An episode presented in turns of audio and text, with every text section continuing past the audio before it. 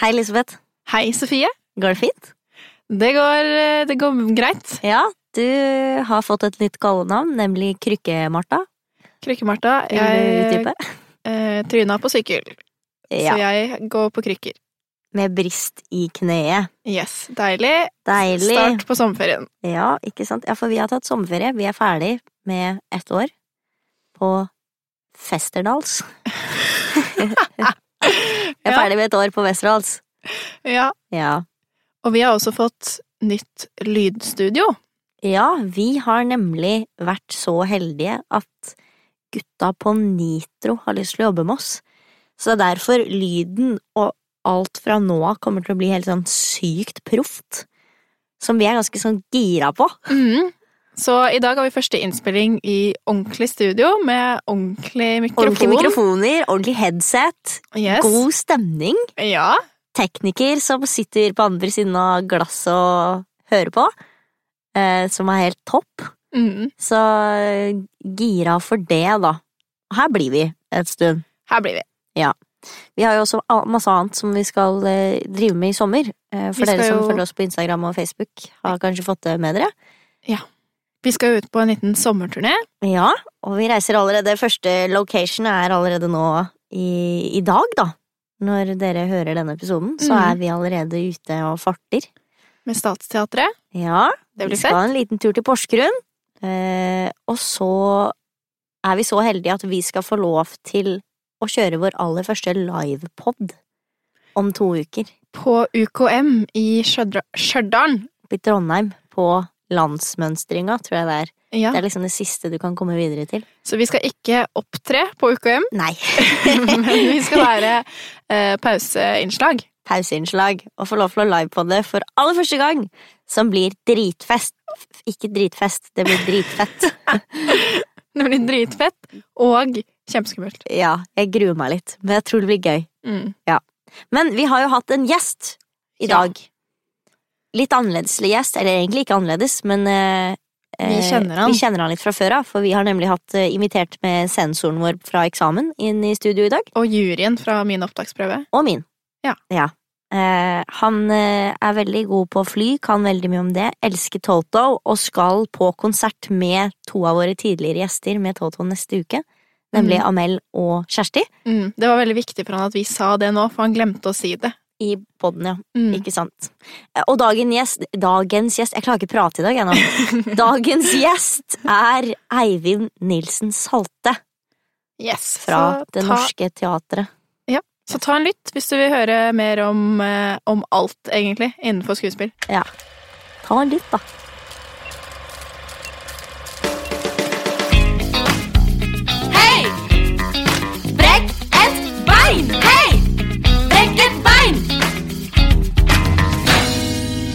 Da lurte vi på hva ditt fulle navn er. Det er Eivind Nilsen Salte. Hei! Hey. Og hvor eh, jobber du for tiden? Eller er du frilans? Er du fast ansatt? Hva? Jeg er ikke fast ansatt. Jeg er innleid arbeidskraft, frilans, eh, på Det Norske Teatret her i Oslo. Hvor lenge har du vært her? Jeg eh, starta eh, jeg tenker, desember 2013, så Ja. da er vel det ja, snart seks år blir det vel da. Ja, Ja. ja fem og et halvt. Kult. Kult. Og så- Har vi et nytt spørsmål i dag? Mhm. Eh, For vi pleier egentlig å spørre om hva som er eh, folks drømmeprosjekt. Ja. Men i dag så lurer vi heller på eh, hvem som inspirerer deg. Eller som har inspirert deg til å drive med skuespill. Åh. Em, det tror jeg er eh, Det er litt forskjellige folk. Eh, Men da må jeg tilbake i tid òg, tror jeg. eh, Et godt stykke. Jeg tror kanskje en som heter Bjørn Ravn Karlsen har på en måte eh, vært med ganske mye på det. Og mamma. Faktisk. Hvorfor det? Nei, hun eh, tror jeg syns jeg var veldig urolig da jeg var liten, så hun foreslo ved flere anledninger sånn du skal ikke prøve dette her barneteateret da, Eivind, kanskje det Kanskje noe? det hadde vært noe for deg, liksom. Så hun eh, Jeg tror hun har litt fortjeneste for det. Eh, og så Bjørn, fordi han var leder for Barneteaterklubben, som vi kaller det for, når jeg gikk der. Barneteater ja, i Rogaland Teater. Kult. Ja, og han eh, på en måte, han eh, Ja, jeg fikk være med på veldig mye kule ting. Jeg tror det er mye hans fortjeneste, han var liksom Ja. Eh, Han lærte oss veldig mye, så det fikk veldig, altså, en veldig inspirator samtidig som han var liksom litt lærer, og så var han instruktør, og i dag er han sjefen for hele det barneteateret og Brogeland Teater. Ja. Mm. Så jeg tror, jeg tror det, hvis jeg, ja, i hvert fall sånn umiddelbart, eh, de to, tror Kult. jeg faktisk. Ja. Og så har vi dette gøye spørsmålet. Mm. Hva, eh, hva skal vi spørre om i dag, mon tro? ja, har du noe? Eh, hva er ditt favorittferiested? Åh, det er I fjor så var jeg på eh, I fjor så var jeg i Tanzania. Jeg har vært i Tanzania to ganger. Jeg tror kanskje det. Ja. Ja, det er fantastiske plass. Um, og da har jeg vært på Zanzibar òg. Begge gangene jeg har vært der. Det er jo helt eh, Ja, det er virkelig eh, himmel. Altså, det er paradis på jorda, altså. Ja. Så jeg tror eh, Ja, jeg setter en knapp på Tanzania.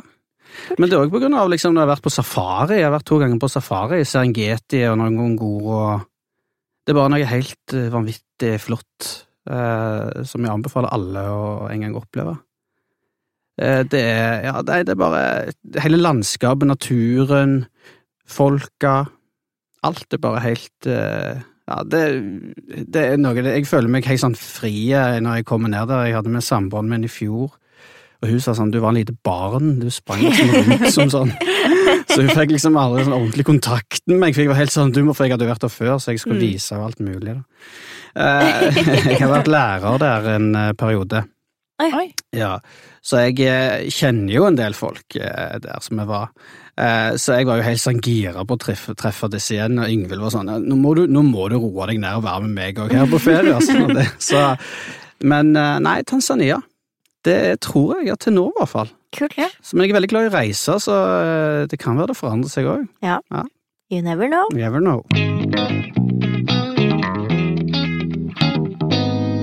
Og så til dypdykk-delen. Ja. Ja, har du lyst til å fortelle litt om din reise? ja, hvor vil dere jeg skal begynne hen? Egentlig fra Du fra fant ut at det, dette, jeg vil drive med dette, oh, ja. til Mhm. her hvor du er i dag. Ja, eh, der er jeg litt, tror jeg jeg er litt sånn eh, classic, eh, sånn eh, klisjé. Altså sånn det lille barnet som var urolig og sprang rundt og skulle kle på seg alt mulig, sant. Vi kjenner igjen den, liksom. Mhm. Ja. Det er mange som har vært der. Eh, Så jeg tror jeg starta litt med det. Altså sånn, Jeg hører stadig vekk liksom gamle naboer sånn, hvis jeg treffer dem, så er det sånn Ja, du kom jo hjem til oss og spurte hvor var liksom utkledningsutstyr og sånn, det første du spurte om. Så det er litt sånn klisjéaktig akkurat der, da. Um, så eh, jeg vet ikke helt hvor det kommer fra, akkurat det. Eh, Jeg kledde meg alltid ut, det var forskjellige karakterer hele tiden. Ehm, og så var det som sagt mor mi som sa sånn ja, kanskje liksom barneteater noe for det. Jeg prøvde seg på dette flere ganger. Jeg nekta hver gang, for det var liksom ikke kult nok. For jeg ville liksom være blant gutta, sant, som spiller fotball og Ja, ja, ja, selvfølgelig. selvfølgelig. Og så, så jeg starta på fotballen istedenfor teateret, og spilte fotball en del år og var sånn medium pluss god. Og Jeg syns denne fotball er veldig gøy å se på. Spilte fotball helt til jeg var sånn 1920, så jeg holdt på ganske lenge med det òg. Men så når jeg var sånn tolv, så sa mamma sånn ja, nå har jeg hørt det er ledig til klubb, barneteaterklubben og sånn. For nå har jeg møtt Bjørn, som var leder, sånn lederen da. Og han sier ja, du kan sikkert bare komme på en tirsdag, liksom. Jeg var ja, ok, greit. Så jeg møtte opp på en tirsdag, for de har sånn øv, de har en slags sånn eh, De bare møtes og gjør sånn improvisasjonsøvelser og sånn. En gang i uka.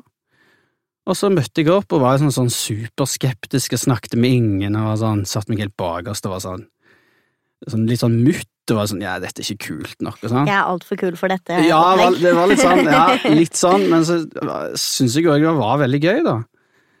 Og så husker jeg jeg gikk på en sånn, det var sånn improvisasjon, du vet sånn vente på bussen, sånn klassiske improvisasjonsgreier, du skal vente på bussen, og så skal du bytte. Eh, Du skal fryse, så skal du bytte med ny, ja. Og så når det er frøys, da, så skal du liksom du skal springe opp, og så skal du tappe den ene på skulderen, så skal du liksom bytte og gå inn i situasjonen på ny. Sånn, ja, Mm. den kjenner vi. Og da de fryste disse to som var oppe, og jeg husker de- var et eller annet, de rev hverandre i håret, eller et eller annet, så, jeg bare sånn, så fikk jeg sånn impuls. Og da hadde jeg venta kjempelenge, og jeg sprang opp og bare Og så improviserte jeg, og så endte det opp med at folk begynte bare å le masse. Og jeg skjønte ingenting, så jeg ble helt sånn satt ut. Uh, det er første gang jeg liksom sto foran noen, og på ordentlig, da, på sånn, ja, og improviserte bare. Det var en veldig fin opplevelse. Så skjønte jeg jo oi, er det et eller annet her? Uh, det var jo veldig gøy. Så da fikk jeg smaken på det, da. Uh, og syntes det var liksom Man ble jo sett, på en eller annen måte. Mm. Kanskje jeg trengte det på det tidspunktet. Og så fikk jeg lov å være med på en del eh, teaterstykker. For de velger ut, og så spiller man eh, Altså, Barneteater har en lang tradisjon i Stavanger. Så blir man med, og så spiller man på hovedscenen. Tilnærmet sånn proft teater, da. Så ble jeg med på forskjellige stykker der, blant annet med Olek, som dere har hatt inne her. Mm. Eh, med, han spilte, vi spilte i Hakkebakksskolen sammen, blant annet. Han spilte Reven, jeg spilte Pinnsvinet. Eh, det var veldig gøy. Eh, og jeg fikk til og med ta over en del eh, reve, eller Reven et par forestillinger. Eh, for da var han, jeg vet ikke om han var ute og reiste eller et eller annet, så jeg alternerte litt med han i hans rolle òg, da. Det var veldig gøy. Um, og så ja, begynte vi med noe som heter ungdomsteater. Det var sånn, eh, da er du litt eldre, eh, på en måte, og så da går du over i ungdomsteater, som også er tilknyttet Rogaland Teater. Så ble jeg med der, jeg var med der en del produksjoner. Og så fant jeg ut av at eh, Og så var jeg jo inne på teater, liksom. Jeg, jeg gikk på videregående, jeg gikk på skole, og så tok jeg bussen til byen og gikk på teateret. Så det var liksom sånn eh, skole og på en måte på jobb, da, eller sånn. Mm. Eh, og da satt jeg i kantina og liksom ble vant med å sitte i kantina på Rogaland Teater. og Husker liksom Lise Fjelstad og Erik Hivju var innom og gjeste, hadde gjesteroller. og liksom Du følte meg litt sånn Å ja, ja, ok. mm. Dette, dette går jo an å leve av, og wow, se alle disse her kjente skuespillerne, sant. Du ble jo helt sånn På den tida var jeg i hvert fall sånn ble starstruck og syntes det var kanonfett, liksom. Mm. Og så skjønte jeg jo at dette her er jo folk som lever av og da tenkte jeg eh, ja, kanskje det an å prøve noe i den retningen der. Og så eh, skjønte jeg jo selvfølgelig at eh, teaterskolen eksisterte, og alle hadde gått der og sånn. Eh, og så eh, søkte jeg Romerike, så jeg har gått den veien via Romerike, og så på Romerike så søkte jeg teaterskolen. Og da, første gang jeg søkte, jeg hadde ikke sjans i havet. Jeg var helt, helt ute. Jeg gjorde Rasjkonikov forbrytelse og straff. Jeg hadde liksom satt sammen hele manuset til en monolog, da. Og skulle liksom presentere dette, det ble bare rot. For det, men jeg trodde det var kjempebra jobba. Jeg hadde øvd sinnssykt mye, da. Men eh, teksten hang jo ikke sammen. Det var liksom helt sånn bare Så jeg kom ikke videre eh, i det hele tatt. Eh, jeg var veldig skuffa, men jeg skjønner jo nå hvorfor. Det var jo helt sånn på tur. Skjønte jo ingenting. Eh, og så Men så kom Hint hadde starta. Så de kom til Romerike for å holde en audition. For de ville ha studenter, for det var første året de skulle ha studenter. Så jeg husker vi var en hel gjeng som bare liksom Ja, ja, jeg dro på audition der, for de hadde audition på Romerike, da. Mm. Så vi var en gjeng som dro på det. Jeg tror alle kom inn utenom én. De trengte jo folk. Det var var jo flinke, var jo flinke folk òg, altså. For all del, ja ja. Men, men det var Så jeg kom inn der, um, og gikk der et år. Eh, og hadde veldig fine lærere der oppe, blant annet ei som heter Sandra Mladenovic, som mange har hatt. Fransk dame. Hun er dessverre død nå, eh, men hun var òg en av sånn de personene som har satt skikkelig preg på eh, den skuespilleren jeg er i dag. Hun kom jo fra, opprinnelig fra var liksom høyrehånda til Jacques Lecoq, Ja. som den hintskolen Den er jo litt sånn Lecoq-inspirert skole. Hun var en fantastisk lærer. Eh, så jeg var der et år, eh, for jeg fikk ikke komme videre, for de har sånn utvelgelse. Ja. Ja, De har slutta med det nå, da. Ja, det er ja, ikke lov lenger. Ja, ja.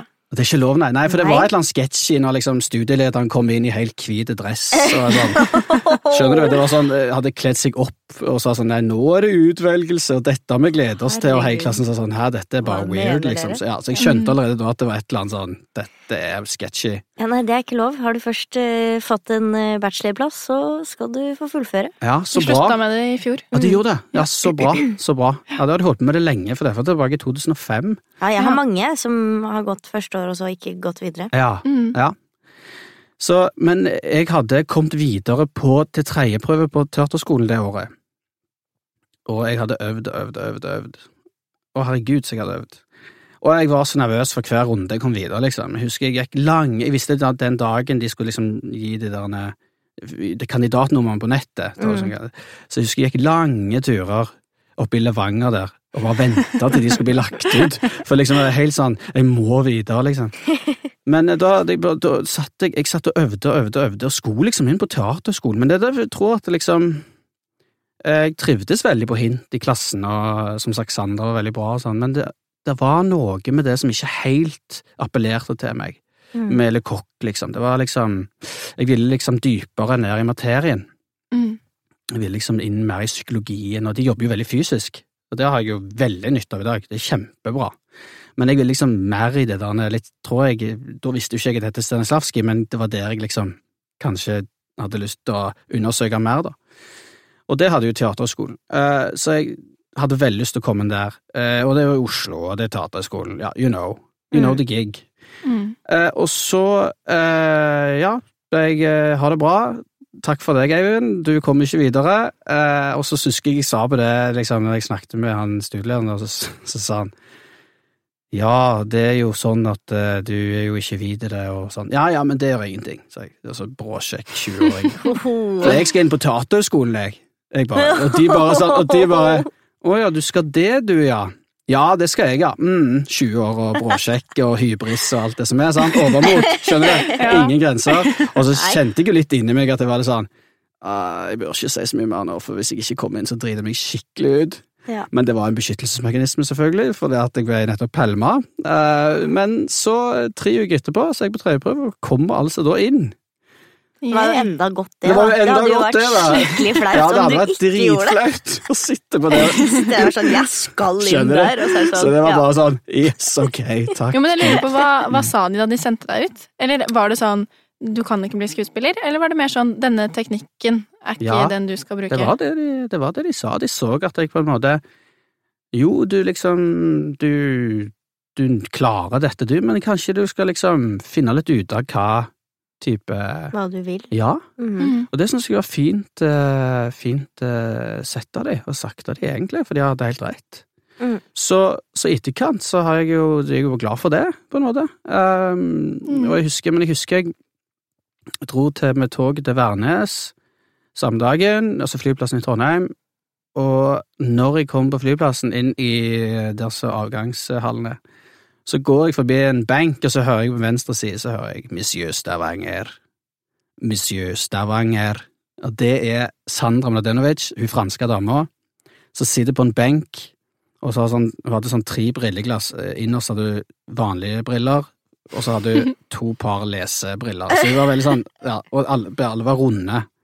Veldig sånn karakteristiske, eh, karakteristisk utseende. Mm. Og da satt hun og leste et eller annet, og så satt hun bare og så på meg lenge, og så sa hun 'Your time will come'. Good- Hey. Goodbye. Blitt, jeg hadde blitt så redd. Your time will come. Det var liksom sånn, men da sa hun det, det var liksom Så to timer før så hadde hun også sittet i møte på en måte sagt hun ikke videre, men da på flyplassen, altså jeg møtte på flyplassen bare et par timer etterpå, da hadde hun kommet seg der før meg, jeg vet ikke hvorfor hun hadde blitt kjørt eller hva det hadde blitt, men altså det var veldig fint, det kommer jeg aldri glemme, Your time will come. Eh, og det, så hun så nok et eller annet der, Mm. at eh, det kommer til å ordne seg for deg, og det Mm. var det siste hun på en måte sa til meg, husker jeg, det var siste gang jeg møtte henne. Det er gøy, for jeg, har jo, jeg var helt overbevist om at eh, jeg skulle gå på hint og Ja. drive med fysisk teater. Ja, Så jeg søkte jo der, eh, og da sa de til meg på opptaksprøven De prøvde jo Det var intervju, hvor vi Mm. snakket om hva slags skuespiller jeg ville være og sånn. mm. Så sa de du, vi setter deg på førsteplass på venteliste, og eh, så anbefaler vi deg å søke kanskje KIO. Mm. Og så var jeg sånn å ja, mm, det er jo dritlett. Mm. Og så sa de du er nok eh, Du burde nok gå Stanislavskij-veien, Mm. eh, for du er veldig glad i det psykologiske. Mm. Og så kjente jeg da de sa det, så var jeg sånn ja, det er jo det jeg vil. Ja. Jeg bare trengte at noen sa det til meg. Ja. At det er det du skal. Ja. Og da var det jo helt rett da å heller takke ja til Westerdals. ja. Ja, å begynne der. Ja. Og få metode for håndanalyse og Mm. etyder og Ja, Da er jeg sånn Dette er jo det jeg har lett etter. ja sant? Det er jo dette her jeg har lyst til å drive med. Ja, det gjelder å finne liksom Ja, der man eh, kjenner at det liksom Dette er det som Dette er snakketegn, på en måte. Mm. Mm. Uh, så så um, Nei, og så gikk jeg der i ja, fire år på dataskolen. Mm. Jeg hadde tre år da, i én klasse, og så hadde jeg to års permisjon. Så kom jeg tilbake igjen. Ja, for jeg har aldri skjønt det, for det er flere som sier at de har gått på KIO i fire år, men det er jo ingen som går der i fire år lenger nå. Enten så tar du en bachelor på tre, eller så tar du en master på fem. Ja. Hva Da- er dette fireårsgreiene? Nei, det er vel en Jeg tror det er en fire kull eller noe sånt som har tatt fire år. Mm. For det var sånn, eh, sånn eh, mellomår før de fikk eh, master. Ja. Så jeg tror de måtte ha fire år, eller de, jeg vet ikke hvordan det der er, men det var sånn påbygningsår, da. Det var en del av strategien for å få master eller et eller annet, jeg vet ikke helt. Så de drev og jobba på den masteren, så bare fikk de et fjerdeår eh, som en slags mellomting, Mm. Så vi var vel en fire-fem kull som fikk det. Så det har, eh, det har bare vært sånn et par år, liksom, Ja. med det. Så jeg er en av de som har gått fire. For jeg tror masteren kom bare to år etter jeg gikk ut. Ja, ikke sant. Ja. Så jeg gikk på teaterskolen. Eh, vil dere høre om dette? Ja hvordan Ja, var det å gå der? Ja, det var Jeg syns det var veldig lærerikt. Først og fremst utrolig lærerikt. Det var liksom riktig. Jeg kjente liksom første dag, jeg husker veldig godt første dag. Jeg, sånn, jeg er på rett plass.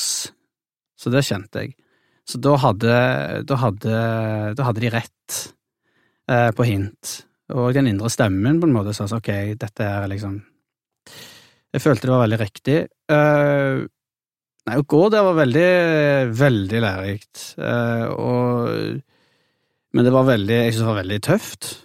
Jeg syns det var, var Det var steintøft, og jeg, jeg hadde det av og til ikke noe bra i det hele tatt. Og Men det gikk en klasse som jobba ekstremt hardt. Alle jobber ekstremt hardt, altså, men de jobba ekstremt hardt. Altså, Mm. det var Det, var, det skal, det skal vi ha. Husker liksom Even Lynne, som var dekan på den tiden, altså, han sa eh, Siste skoledag sa han til meg at sa alltid du har fått maksimalt ut av utdannelsen din, bare så du vet det. Eh, ja da. Eh, så, så selv om liksom han så at jeg liksom da var sånn dritlei og hadde fått teater opp i halsen, så mente iallfall han hadde fått maks ut av det som var mulig, og det, det tror jeg. Eh, for det at eh, ja, de jo liksom Even hadde, var òg utrolig dedikert, da. Han har jo slutta som dekan nå. Altså, utrolig dedikert eh, dekan, som bare satsa helt vanvittig på oss studenter, altså.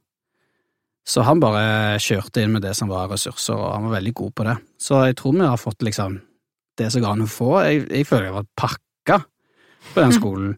Og veldig sånn nøye. Jeg, var veldig sånn, jeg hadde- veldig nøye sånn metodefag, altså sånn eh, han, eh, eh, fysiske handlingers metode. Mm. Jeg har fått veldig inn. Så jeg, jeg, jeg, jeg går jo ikke rundt og bruker dette daglig, sånn aktivt hele tiden. Det er jo instinkter vi skal ha som skuespillere, så, så jeg baserer meg jo stort sett på instinkt. Men jeg har det liksom liggende i bakhånd, og jeg eh, kan jo ta det opp hvis det trengs, så jeg er veldig glad for at jeg har det. Um, ellers så var liksom lærerne veldig på, det tror jeg er viktig òg, at liksom denne ene metoden er ikke den er ikke liksom the only one. Det fins hundre tusen veier til rom, liksom. Og til slutt så skal man liksom lage sin egen form for metode, sant. Mm. Så det, det òg var veldig liksom fint. At det liksom Denne her er bare én av mange, eh, og det, men det er den vi har her. Men det, og eh, også, men så hadde vi andre ting òg. Vi hadde jo Komedie dell'arte, vi hadde Viewpoints, vi hadde veldig mye forskjellig, så ja. Men du ble jo veldig sånn fulgt opp, da. Det tror jeg jeg trengte òg. Jeg eh, var veldig, en periode hadde jeg det veldig kjipt, så jeg var veldig, liksom kom veldig mye seint og var liksom sånn eh, Noen ganger så dukket jeg ikke opp, og var veldig sånn Jeg hadde liksom Jeg var veldig ung når jeg kom inn. Mm. Eh, det er vel mange som har sagt det, at de var altfor unge. Jeg var en av de som var altfor unge, tror jeg. Jeg var 20. Eh, og umoden på en eller annen måte. Eh, og jeg var litt overraska over det der forventningene Altså, det er jo ekstremt høye forventninger. Og det er jo bra. Ja. Eh, ja, ja. Men jeg var Jeg syntes det var såpass tøft noen ganger at jeg liksom Noen ganger så ble jeg skikkelig sånn, tror jeg, deppa i perioder, og eh, da gikk det utover moral og sånn. Jeg kom meg alltid på skolen og sånn. Dukket alltid opp, men jeg kunne alltid, og da fikk jeg beskjed om at uh, du må uh, Du må passe på studieplassen din. Så jeg fikk beskjed Ja. om det. Ja. Jeg fikk det, Det men er bra de er strenge, da. ja da, de er veldig strenge. Altså, Det var sånn, eh, det er sånn at du må det- Og det skjønner jeg veldig godt. Mm. Ja, jeg syns det er kjempebra. Men så tok jeg meg sammen, og så, så gikk det jo bra. Og så, men så, så, etter tredje klasse, så var jeg allikevel litt sånn fed up av meg sjøl. Jeg var sånn Åh, jeg var så lei av meg sjøl. Jeg var helt sånn ferdig med Eivind Salte en stund der. Så siste skoledag så bare drar jeg fra skolen.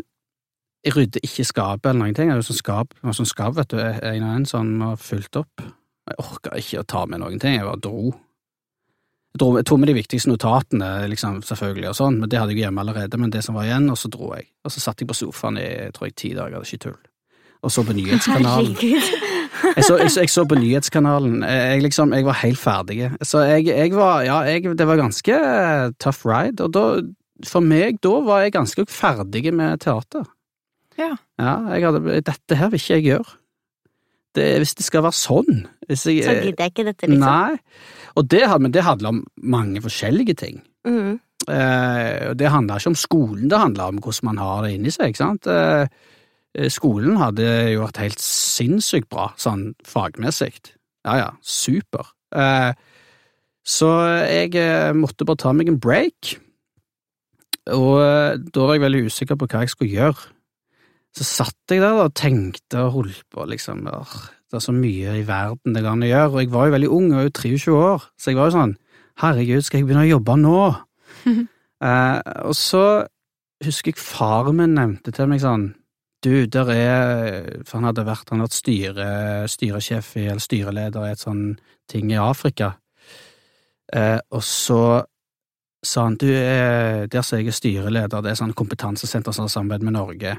De har sånn dramagruppe der for uh, foreldreløs ungdom.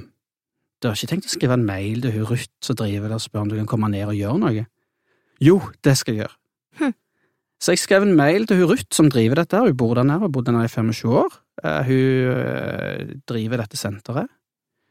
Uh, veldig bra opplegg. Så skrev jeg en mail til henne og sa du, hei, jeg har lyst til å komme ned og sette opp noe teater eller holde noen workshops. Får jeg lov til det? Frivillig? Ja, det må du bare gjøre. Så jeg reiste ned og var der nede i noen måneder og jobba og var instruktør, og vi lagde teater, vi hadde workshops og det var en veldig fantastisk periode. Og da hadde jeg godt av å komme meg ut litt av landet òg, og på en måte liksom Så fikk jeg brukt den kunnskapen jeg hadde fra teaterskolen på en litt annen måte, da. Det var òg veldig lærerikt. Um, Hvordan er man teaterinstruktør i Tanzania? Altså, ja, det var det. Eh, Hva nei- gjør man da? Nei, da gjør- gjorde jeg mye av det Altså, jeg hadde sånn eh, Jeg hadde litt grunntrening med de. Hadde du metode på han? Nei, nei, jeg hadde bare litt grunntrening, fordi de, disse hadde lyst til å bli skuespillere. da. Så jeg, vi hadde litt sånn improvisasjon og sånne ting. Så det, det, det er en gjeng som har lyst til å bli skuespillere, liksom. De er, Ja. de er sånn mellom 12 og 25. Ja. Så de er, nei, 13 og 25 er det vel. Sånn. Så det er liksom folk som har liksom lyst til å holde på med teater, liksom. Så de tok det veldig seriøst. Ja. Eh, nei, så vi hadde ikke noe handleanalyse, men hadde en konversasjon og tok utgangspunkt i de tingene der, og så Ja. satte vi opp uh, noen selvskrevne stykker som vi viste for landsbyen som er i nærheten. eh, som handler om problematikk som de omgås hver dag. Det var veldig fint. Kult. Så ja, mm. så um, Ja, og så eh, ville jeg Så gikk jeg Så søkte jeg BI. Så jeg gikk på BI et år. Du ble sånn BI-fyr. Ja, liksom jeg ble en BI-fyr noen gang, jeg, men, eh, men jeg likte det. Jeg syntes det var ålreit å gjøre noe helt annet. Men det må være veldig overgang fra KIO til BI. Ja, det var helt Men det var akkurat det jeg trengte. Jeg trengte å se at liksom Jeg vet ikke, jeg trengte bare å møte noen andre mennesker. Uh, rett og slett få noen andre inputs. Men du var der bare et år? Ja, Og så jobbet jeg litt i næringslivet, hvis det er lov å si det. Ja. Eh, ja. Eh, næringslivet, det høres så veldig stort ut, men det er jo ikke så veldig stort. Det er bare det at jeg eh, jobbet litt for et, eh, et selskap. Eh, og så holdt jeg noen sånn foredrag, jeg hadde noen presentasjonsteknikktrening og litt sånne ting. Det var òg veldig gøy. Og så reiste jeg mye rundt forbi, reiste mye rundt. Og så fant jeg ut av at jeg ville bli lege. Yes. Av alle ting, liksom. Ja, da var det lege, liksom. Så jeg satte meg ned på Sonans med sånne rådgivere der og fant ut hva, hva jeg gjøre med vitnemålet. Så det var sånn seriøst, altså. Det var sånn eh, Ja da, hadde jeg gått eh, Men så trakk jeg meg akkurat liksom rett før sånn jeg skulle begynne å ta opp fag, da, for jeg tenkte nei For jeg, for jeg hadde snakket med en lærer på telefonen fra teaterskolen som sa at Eivind, hvis du slutter nå, hvis du ikke gjør dette her, så har tre år gått waste, og Teater-Norge kommer til å miste en god skuespiller. Det er jo et kjempekompliment. Ja, det var jo mega. Så jeg var jo helt sånn satt ut den telefonsamtalen. Og han fikk meg til å tenke, og det var en eller annen lærer også som sa noe lignende, og når, du må liksom komme tilbake. Mm. Og det var jo helt fantastisk. Jeg tror jeg, jeg husker jeg begynte å grine litt òg, for jeg var helt sånn Hæ, har noen tenkt det? Så da tenkte jeg, vet du hva, han har helt rett. Tre år kan ikke gå til sånn. Jeg må prøve dette ut. Så jeg hadde satt fjerde klasse på vent, Ja. ja, så jeg kunne komme tilbake. For jeg hadde liksom studieplassen. Mm. Da gjorde jeg det. Da gikk jeg inn i fjerde året, og har ikke sett meg tilbake siden. Og er så glad for at jeg tok det fjerde året. Det var en fantastisk opplevelse, det fjerde året. Og en fantastisk eh, ny gjeng jeg kom inn i. Og vi var tre nye som kom inn i Ja. den klassen. Det var meg, Olav Vårstad, som er på Nationaltheatret, Mm. og jeg sitter Rebekka Nystadbakk, så skal dere komme til å se hovedrollen i sammen med Kristoffer Hivju på Twin, som Ja, kom til høsten. Ja, Så det var oss tre, da. Så vi var liksom nykomlingene. Det var med Herbert, blant annet, og Ida-Lise Broch og den gjengen Ja, der. ja. Kjempekul gjeng, og vi hadde det kjempegøy. Så det fjerde året var helt uh, nei, det Amazing. Var, ja. Og vi var i Berlin i to måneder, og Nei, det var dritfett, altså. Og det var da jeg begynte å se masse tysk teater. Ja, for du har jo vært der òg. Ja, jeg har det, nå, nå nylig. Så skjønte jeg liksom at Å ja, her, vet du. Her er det jo litt sånn som jeg liker. Ikke Ja. bare litt, men veldig. Ja. Så fjerde år var sånn døråpner for meg. Eh, meg og Oddgeir Tune, som òg gikk i eh, den klassen, vi har snakket mye om det. At Liksom det for begge oss to, og liksom har det vært sånn døråpner i forhold til hva teater kan være. Uh, og jeg kjente meg igjen i den energien deres på scenen, og den der ekspressivitet, hvis du lov å si det, at det er veldig sånn Alt er veldig sånn bredt og Mhm. stort, og liksom Vi spiller teater, vi later ikke om det er noe annet, det er teater, liksom. Mm. Og det appellerte til meg så sinnssykt. Så da var jeg liksom yes! Så alt bare falt på plass, og så hadde vi Runar Hodne som, eh, som klasselærer det året. Runar Hodne er fantastisk lærer. Og plutselig, liksom, måten han snakker om teater på, kunst på og alt det der, plutselig begynner brikkene å falle på plass på en måte for meg.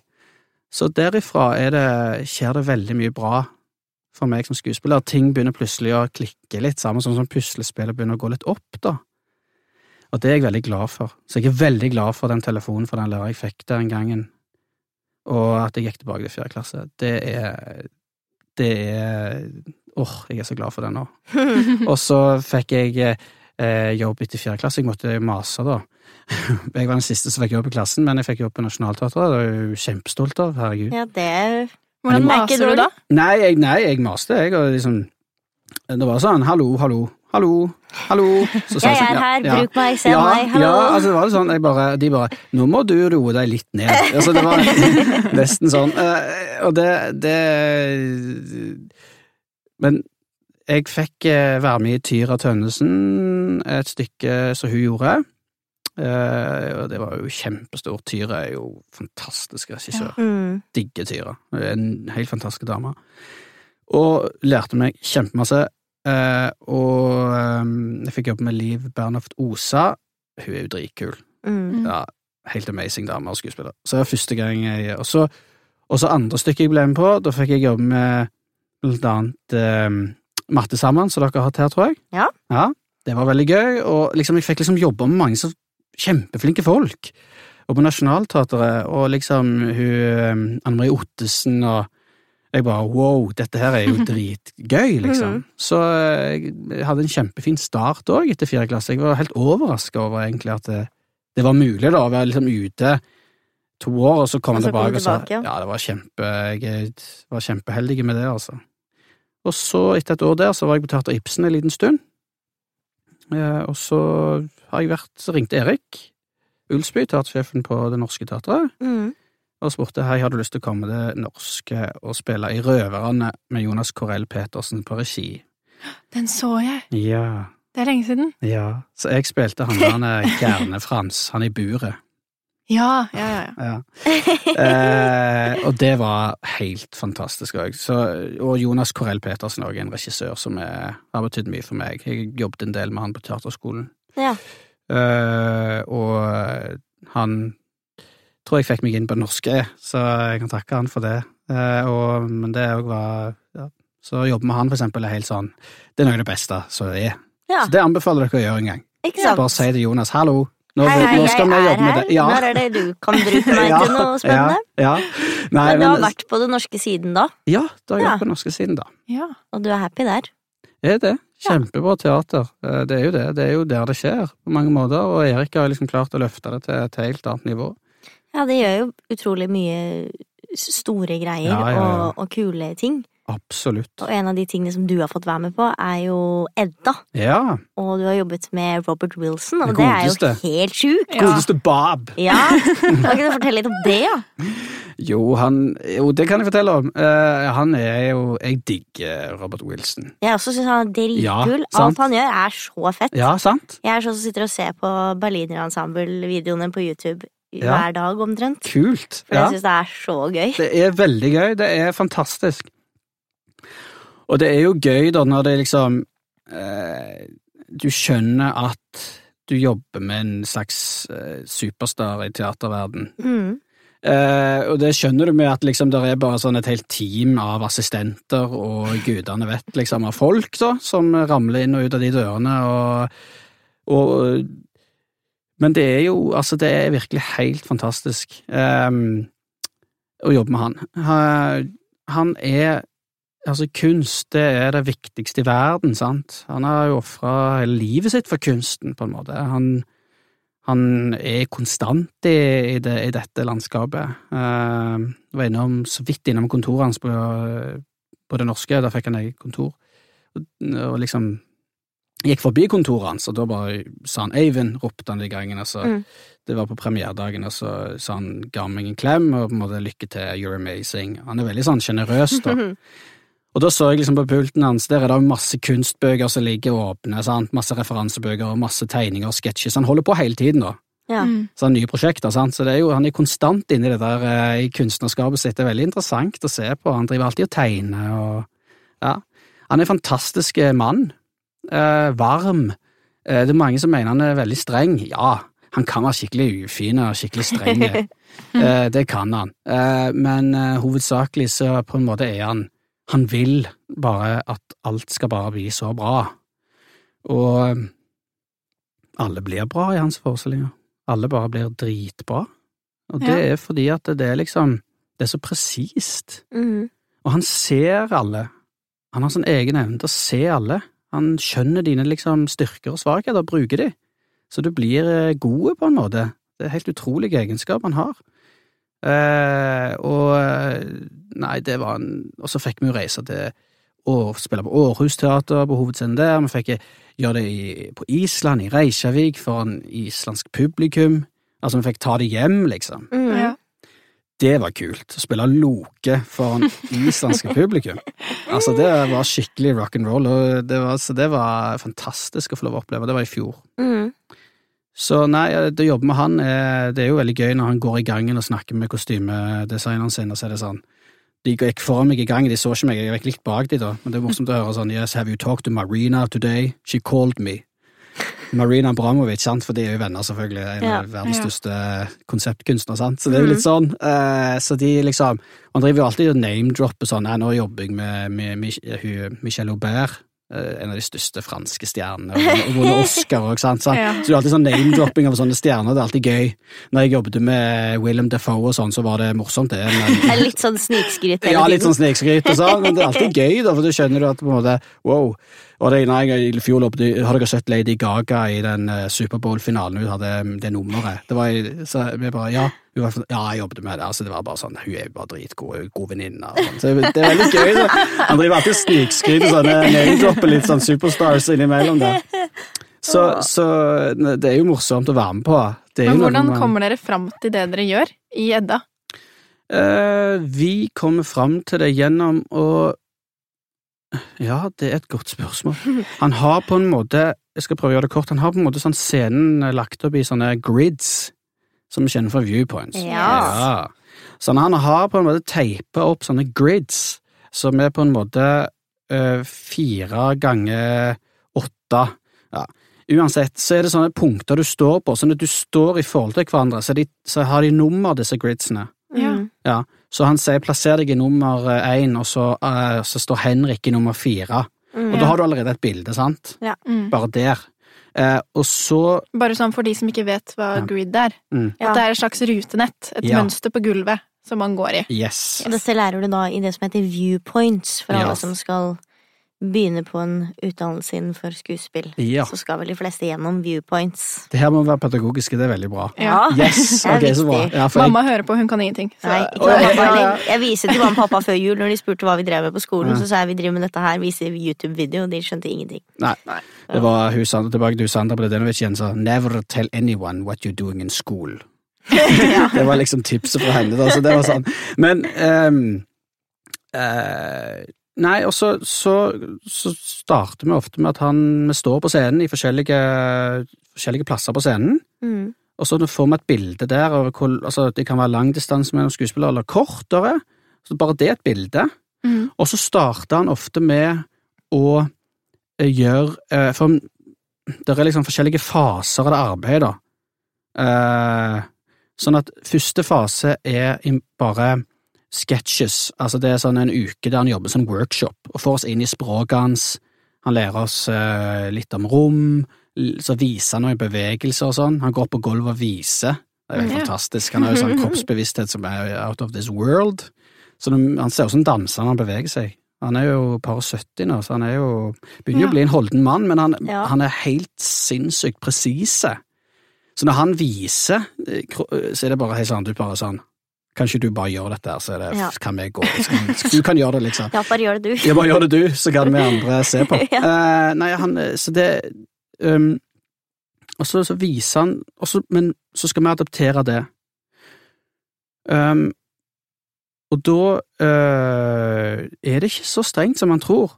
Eh, Du må gjøre din variant av det. Mm. Han, ba, han bare gjør en sketsj, og så må du gjøre din variant av det han viser. Men det er veldig bevegelsesmønster, sant. Det er veldig sånn Altså en slags gest eller en slags eh, attityd, altså i kroppen, eller en, eller en uh, fysisk Altså, du kan Om det er å ja, Det er vanskelig å forklare og vise her og nå når man sitter på podkast, men, men, i fall, det er i hvert fall fysisk eh, utgangspunkt. Ja. ja. Og så fase to, da legger vi scene for scene, veldig spesifikt, men da har han òg begynt med noe som heter knee place. Sånn at det, knee plays er sånne som kommer eh, innimellom scenene, som en slags sånn pausenummer, eller slags sånn som bryter. Ja. For eksempel i Edda så var det at han hadde masse røyk. Ja. Ja. Hvis så det, han hadde liksom egen sånn røykshow Mm, midt inni, så han lagde Han brukte jo Altså, jeg vet ikke hvor mye han Altså, jeg satt og så på hvor Han brukte jo hele netter og kvelder på dette. Han satt liksom til tolv på natten og satt med sånn Smoke one. Smoke two. Han hadde sånn ni Alle dager. Ja, ni røykmaskiner på scenen, og teknikerne sprang som galne. Og så han, han lagde et Altså, han lager kunstverk av røyk, rett og slett, og de Mm. han, i vårt stykke så kalte han de for knee place. Altså, han kaller det for knee place. Det er sånn Det er veldig strukturert oppbygning i stykkene Mm. hans. Ja. Ja, det er veldig struktur. Veldig planlagt fra forhånd. Og han Ja. har tegnet alle bildene.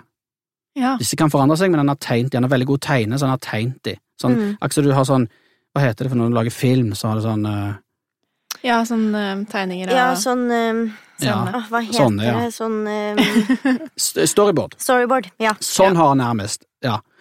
Og så, men så er det tredje fase, da flytter vi oss opp på scenen, eh, og da begynner han alltid med lyset. Så han, Ja. så han Everything starts with light. Det er liksom greia hans. Eh, og det har han jo for så vidt rett i, han er jo egentlig arkitekt. Ja. Sånn at eh, arkitekter er jo veldig opptatt av lys.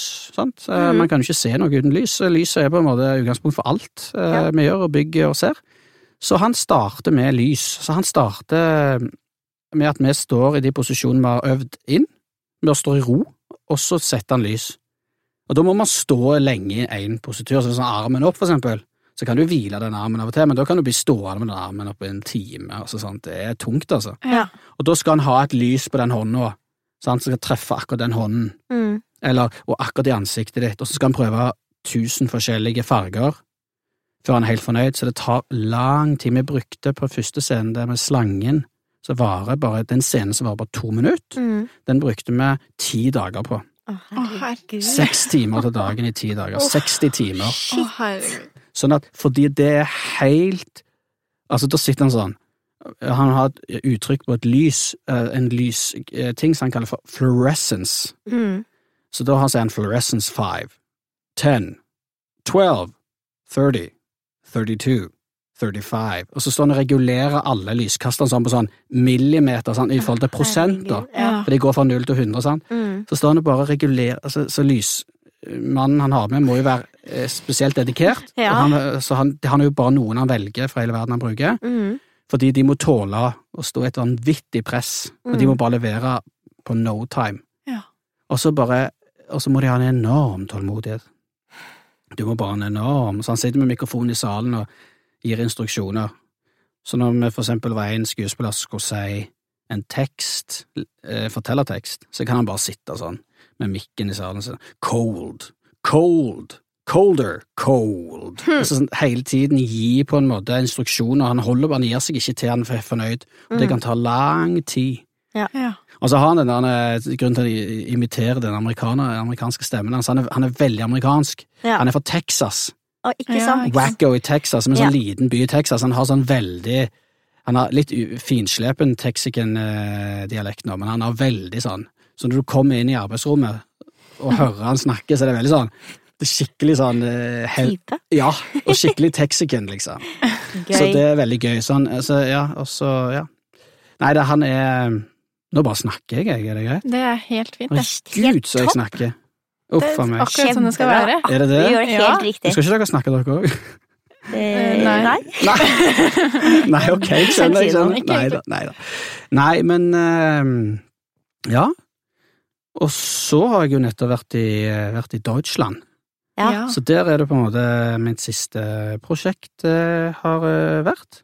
Da har jeg vært der i et par måneder til sammen, flydd litt fram og tilbake, eh, men vært der med Gjertrud Gynge. Ja. Ja. Som var en fantastisk kollega og skuespiller. As you know. Eh, ingen over, ingen ved siden. Gjertrud er helt topp. Det mener jeg. Hun er en fantastisk person og skuespiller. Helt nydelig å jobbe med. Hadde Ja, jeg liker henne kjempegodt. Ja. Hun sendte meg videre på Teaterhøgskolen, ja, så jeg altså, var ja, happy. ja, ja. Kjempefornøyd. Ja, hun er, ja, hun amazing, så vi har hatt det kjempegøy eh, der nede. Meg og hun, og så har det vært to tyske skuespillere. Så det er Johanna og um, Jonas. Og så Erik Ulfsby på regi. Ja. Og vi har eh, satt opp et stykke om eh, eh, Prøvd under... Altså vi kalte det en undersøkelse. Eh, for det er det det er. Altså en tilnærming til på en måte 22. juli Ja. som er vanskelig tematikk. Så har vi lånt Mm. tittelen, fått lov til det av Åsen Serstad. Eh, en av oss. Ja. ja. Einer von Ons på tysk, da. Um, så vi bruker bare tittelen her derfra, Vi spiller ikke noen situasjoner derfra, eller noe sånt. Eh, det er egentlig Og hele konseptet er, er egentlig ut fra det slags eh, Det er et veldig en installasjon, vil jeg kalle det for. Mm. Fordi det er masse bokser som danner, som lager masse sånne trebokser, som er laget sammen til en kube. Ja, som ser ut som en slags kunstinstallasjon som du kommer inn til. Og det er lagd av en som heter eh, Nei, eh, hva heter han? Lars Ramberg, fantastisk konseptkunstner som er bosatt i Berlin, eh, som har lagd denne installasjonen, sammen med Ditteke, som er samboeren hans, og eh, kollegaen hans. Og, så det tar utgangspunkt i dette kunstverket til de to, da. Mm. Og oppå dette så prøver vi å si noen ord om 22. juli. Eh, vi prøver å si noen ord om høyreekstremisme. Uh, hva som eh, gjør at dette forekommer. Prøve å si noen ting om det fenomenet der. Eh, hvis man kan kalle det fenomen, det vet jeg ikke, men i hvert fall si noe om det. Um, det er jo noe som Grunnen til at jeg sier kanskje et eh, Det er jo kanskje et fenomen for noen, fordi at det, det, det er dessverre voksne. Eh, Jeg er ikke ekspert på feltet, men eh, ut fra det jeg har liksom intervjua De folka jeg har intervjua i min research i dette, og det jeg har lest, så er det ser man en økende grad av mennesker som tilslutter seg iallfall alt-right, altså alternativ høyre, Mm. men òg går enda lenger i, eh, i eh, høyreekstremisme, altså enda lenger til høyre. Eh, Så det er skummelt, akkurat det, syns jeg. Um, Viktig teater, da. veldig. Mm. Uh, veldig viktig, uh, og veldig aktuelt. Um, Ja, Får vi se det i Norge? vi får se det i Norge. Når da? Det kommer i november, I november, I på november. det norske. på det norske. Ikke sant? Da er det jo bare å gå og se, alle Ja. sammen. Ja. Det er det. Velkommen skal dere være. Ja, takk. Ja. Vi kommer. Ja. Sitter på første rad. Ja, gjør det. Ja, det, ja, det blir spennende å se hvordan det blir mottatt. Det er jo eh, Altså, det er jo et eh, traume ennå. Eh, Ja. Det er det. Men det var veldig interessant å være i Tyskland og gjøre det. Snakker du på tysk når, du er, når du er der? Nei, eh, vi Nei. snakker norsk, og så snakker de tyske tysk, og så er det oversatt. eh, Ikke sant? Ja. Så eh, der, der er på en måte oversettelse. Det hadde vært veldig imponerende om alle bare måtte lære seg tysk Jeg hadde veldig lyst til det, jeg hadde store ambisjoner om det, men det, det ble ikke noe av. Fikk det ikke til. Det fikk det ikke til. Nei, da, men jeg, snakker, jeg snakker litt, og så skjønner jeg jo Jeg skjønner så å si alt nå. Det var jeg veldig fornøyd med. når jeg Ja. liksom, Nå kan jeg sitte liksom, i samtale liksom, få med meg. Så jeg tror jeg har lært eh, litt mer enn enn når jeg kom der første gang. Så, men veldig lærerikt å være på et annet teater, jobbe på et annet teater. Mm. Kjempefin mulighet til å møte andre folk, eh, se hvordan de jobber, og og så òg forstå at vi har veldig mye å fare med her oppe i Norge. Mm. Hva er den største forskjellen på tysk og norsk teater? De er mer ekspressive gjennomgående enn oss, da. Ja. Altså, de er, de, de er ekstremt sånn ut til publikum. Eh, De er igjen, de legger ikke skjul på at det er teater i det hele tatt. Det er teater, liksom. Vi prøver ikke å late som noe annet. Nei. Og så er det veldig sånn Brecht. Ja. De Brecht-tradisjonen, den henger veldig ved lag der borte. Jeg syns det er kult, da. Jeg har veldig lyst til å jobbe mer med det. Ja, det er veldig kult. Mm. Jeg er helt enig. sånn stort. Men, Stort, ja. De jobber veldig stort, men de skriker mye. Ja, ikke sant? Ja, det har jeg skjønt. Ja, det er mye Ah. skriking. Det hadde ikke stemmelæreren vår likt. Nei. Nei. Så eh, Nei, men det har vært veldig lærerikt. Jeg, jeg liker det. Jeg syns det Jeg syns det er fett. Det er alltid De bare De bare gir alt hele tida, og, og så, Men så varer ofte stykkene òg dritlenge der borte. Ja. Og så bare vare og vare. Sånn. Sånn, Tre-fire timer, det er ingen problem. Det var sånn. Treffer i timer med skriking. Ja, ja. ja, Og ja, deilig. ja, ja. Det er mye stemmeteknikk Det er som må mye inn stemmeteknikk der. som ligger der. Ja. Mm. Men du gjør jo ikke bare du, du lever jo ikke bare av å være skuespiller. Du har jo Vi har jo kjenner jo deg på en litt annen måte, kanskje. Mm. Ja. Du har sittet i jury, Ja. til, i hvert fall til Westerdals. Mm. Og du har jo også vært litt sensor og sånn. ja. Nå nylig, for Ja. oss. ja. Ja. Du bare lurte på For det betyr jo at du har sett mange unge mennesker Mm. gjøre monologer og synge Mm. og Gjerne i sånne skikkelig kjipe situasjoner, da, som en sånn opptaksprøve er. Mm. mm. hva, hva Har du noe ut ifra det, har du liksom noen tips? Um, ja, bare Bare øh, Åh, noen tips? Generelle Eller tanker, tips? da? Eller noe du vil dele? Ja, sånn tanke om at det er veldig, veldig, veldig mange flinke, dyktige mennesker, talentfulle folk. Det mener jeg. Eh, det er veldig mange så Jeg blir liksom tatt på senga hver gang hvor mye folk liksom øver og, og liksom vil dette her så mye. Det er, så, det er dritfint. Uh, jury, vi som sitter i juryen, eller jeg har gjort det, har et kjempestort ansvar Mm. for å på en måte ta det på dypeste alvor, hvis det er lov å si det. Uh, fordi folk kommer inn der og gir alt av seg sjøl. Det er en kjempesårbar situasjon. Nei, det der bør bare Ja, det er den klassikeren, da, som de fleste er det, altså godt forberedt og, og vit hva du vil si, liksom. Vit hva du vil si med teksten din. Hva har du lyst til å fortelle? Ta utgangspunkt i deg sjøl. Mm. Det er deg sjøl vi vil se. Det er en klisjé, men det er helt sant. Det er faktisk personen man vil se. Det er mennesket, liksom. Og så Ja, og gi av deg sjøl. Gi av deg sjøl. Er det noe du ser gjennomgående hos unge folk i sånne situasjoner? Når du sitter i jury, da, for eksempel? Ja, Noe man, som gjentar seg? Man klarer jo òg å liksom, identifisere og få litt hvert, sånn, og så det en del ganger, sånn, og se på en måte hvem som ordentlig vil, da. Og det handler jo mye om vilje, sant. Uh, man må liksom ville det. Mm. tenker jeg. Uh, og det, det, det begynner man liksom etter hvert, og liksom, da har jeg liksom Klarer liksom å identifisere litt mer hvem og denne personen vil ordentlig, liksom. Og det, det er alltid bra.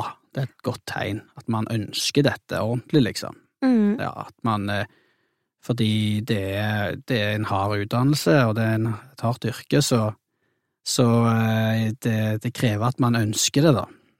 Mm. Men Så, så, så det er ikke alltid man klarer å vise det på noteblokksprøve heller, alltid hvor mye man ønsker ting. Nei. Nei, Du har jo men, ofte fem minutter, liksom, og Ja. det er det du får. ja, men, men, men ofte så klarer vi allikevel å, med den korte tida, på en måte få tak i noe. Om det bare er noe av det, så, så holder det. Det er Mm. ikke sånn at man eh, ikke kommer videre fordi man ikke ordentlig vil, det er ikke det jeg mener, men det der å eh, Etter hvert så har jeg klart å identifisere mer de tegnene som eh, som ligger der, da, på de menneskene som dette betyr ordentlig mye for, da. Mm. Mm. Og det tror jeg er viktig. At det er liksom Man ønsker jo mennesker som går på skolen som Som virkelig vil. Ja, ja, Mm. og som eh, ja, har som lyst er til dette. klar. Som Ja. er klar, ja. Vi, vi merker jo veldig det, vi som er studenter nå. At Ja, det er jo sant. veldig, veldig fint å jobbe med folk som har skikkelig, skikkelig lyst. Ja. Mm. Og som virkelig brenner for det. Mm. Og som også er klare for det. Mm. For det er veldig mange som ikke er det. Det er nettopp det. Så ordet klar for det, det Mm. er òg veldig fint at jeg kan si, for det har veldig mye å si. For det snakker vi jo en del om. Vet vedkommende er klar for dette nå. Mm. Ja, kanskje ikke nå, men vi håper at vedkommende søker igjen. Mm. Sant? Mm. Så det kan vi òg vurdere. Liksom snakke om at åh, vi har så lyst til å komme neste år. Mm. Ja. Altså, bare så det er sagt, altså. For Ja. at det, ofte så tror jeg trengte nok et år liksom, når jeg ikke kom en første gang på KIO. Så tror jeg jeg var sånn De har sikkert liksom sett et eller annet, det kan være.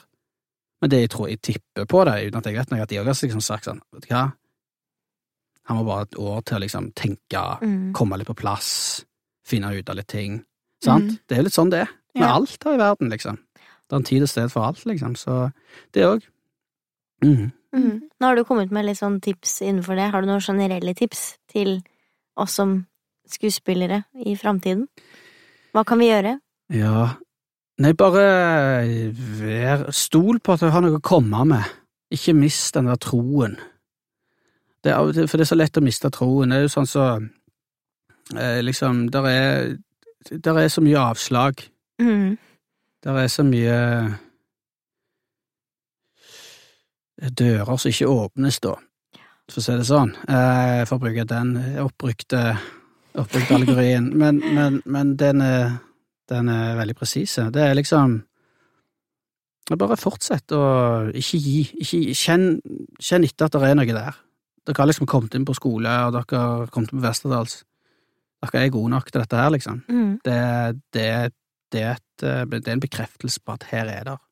Og så skal dere gå der, og så skal dere lære dette her på en måte så godt det går an å lage et grunnlag for, og så gå ut der og bare kjenn på at man Stol på, stol på litt deg sjøl. Eller stol Ja, kjenn at eh, ja, jeg har noe å komme med. Ja. ja har noe å komme med her, liksom. Mm. Det tenker jeg ofte. Ja. ja. har noe, jeg har noe å komme med. Jeg vet ikke helt hva, jeg vet ikke helt hva men jeg, jeg, jeg, Men jeg tror jeg har har noe å komme med. Jeg tenker det ofte, jeg òg. Ja, sant? Ja, men ikke glem det. Nei, Mm. det er viktig, det. Og det er av og til litt nok, altså. Ja. Tror jeg. At det liksom åh, jeg òg har litt sånn plass her. Mm. Sant? Jeg òg har litt plass i denne, oppi dette her greiene her. Mm. Og, og um, det med å, å gi òg respekt til andre, men å kreve litt respekt tilbake, da, er òg fint. Altså, hei, ta plass, liksom. Det er mitt poeng. Altså, Mm. ta litt plass, liksom. Tørre å si 'her er jeg'. Hallo. Bruk meg for det det er verdt. Ja, Mm. ja. Ja, rett og slett. Ikke liksom bare være sånn Ja. Ta plass. Ta den plassen du fortjener. Ja, Gode tips. Mm. Tusen takk for at du kom. Ja, Snakker det vi rock. Ja, ja, for takk for at jeg fikk komme. Det var veldig hyggelig. Veldig hyggelig at du kom. Takk.